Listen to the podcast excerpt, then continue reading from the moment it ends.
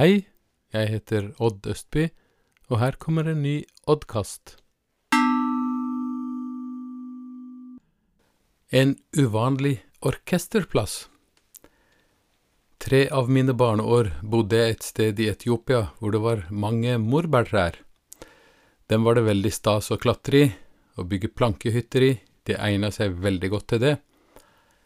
Det må ha vært en god del morbærtrær i byen Jeriko også, for evangelisten Lukas skriver i kapittel 19 om at en fremtredende borger av byen hadde klatret opp i et slikt tre. Han var liten av vekst, skriver evangelisten, og dette var altså overtåleren Sakkeus, en bedrager og pengeutpresser og snylter, og absolutt ikke likt av folket i byen. Nå hadde han fått seg en grei tilskuerplass oppi treet for å se hva som skjedde på gata. Og det som skjedde på gata, skriver Lukas, det var nettopp det at Jesus kommer forbi, og Sakkeus ville gjerne se hvem Jesus var. Og der kommer sannelig Jesus, og han stanser opp under dette treet, og ser opp på Sakkeus, og folkemengden stanser, og folk tenker nok at nå kommer det til å skje noe, for de har opplevd overnaturlige ting like før, en blind mann har fått syn igjen, og de tenker vel at Jesus gjennomskuer hvem han skurken er som sitter oppi der. Nå kommer han til å få refs av mesteren. Ja, folket hadde kanskje tenkt at Jesus ville si noe sånt som at jeg ser deg nok, Sakkeus. Det er veldig lurt at du skjuler deg, for du skulle virkelig skamme deg. Du som er en pengeutpresser og en snylter og tjener romerne. Du skulle virkelig vært frøset ut av samfunnet. Og til folket kunne han sagt, se der, folkens, der ser dere en skikkelig synder. En slik en vil jeg i alle fall ikke ha med i mitt følge. Men alle søndagsskoleelever vet at det ikke var det som skjedde.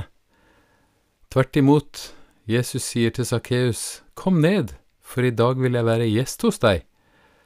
Og Sakkeus skynder seg ned, og Jesus kommer inn til ham. Og da skjer det som er naturlig, for da begynner folk å murre. Hæ, han tar inn hos en toller og en syndig mann. Hva som skjedde mellom Sakkeus og Jesus, vet vi ikke, vi kjenner ikke til samtalen der, men resultatet var i alle fall at Sakkeus sier at han skal betale tilbake alt han skylder, og har han snytt penger av noen, så skal de få firedobbelt igjen. Sakkeus ble avslørt, men ikke avvist. Han ble avslørt, men ikke tiltalt. Tenk så deilig.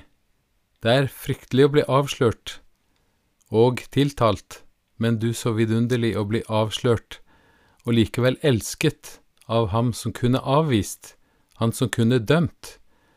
Her får altså Sakkeus oppleve å bli elsket, å blir godtatt, og blir oppreist, og får et evig liv denne dagen.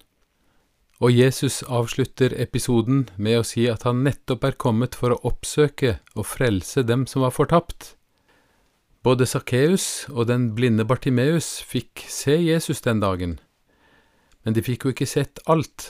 Jesus hadde veldig mye å fortelle, veldig mange måter han presenterte seg på. Han sa blant annet Jeg er livets brød, jeg er verdens lys, jeg er den gode hyrde, jeg er veien, sannheten og livet, jeg er oppstandelsen og livet, og mye mer. Og nettopp ved å bruke ordene jeg er om seg selv, så uttalte Jesus det navnet Gud ga til Moses da han presenterte seg i den brennende tornebusken. Gud sa, Si til Israels folk, Jeg er, har sendt deg.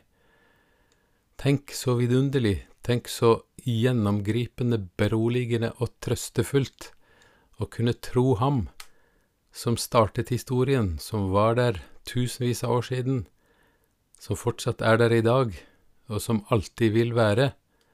Jeg er.